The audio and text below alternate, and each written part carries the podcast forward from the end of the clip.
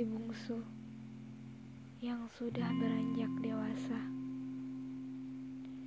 Kemarin aku ulang tahun yang ke-19. Seperti kataku, aku tak mungkin lagi merengek minta hadiah perayaan.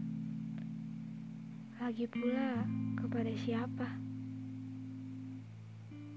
Namun jika bisa berharap, kupikir kebahagiaan bukanlah sesuatu yang mutlak. Jadi, aku lebih memilih berharap untuk baik-baik saja. Bukan hanya diriku, tapi juga orang-orang di sekitarku. Aku merasa tidak akan baik-baik saja jika mereka punya masalah.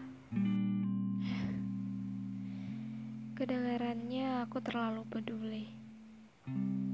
Padahal kenyataannya biasa saja. Aku bahkan sering mengabaikan mereka.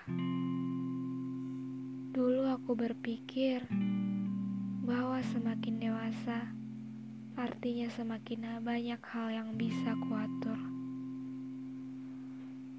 Tapi kenyataannya Seiring bertambahnya usia, semakin banyak hal yang mesti dipikirkan.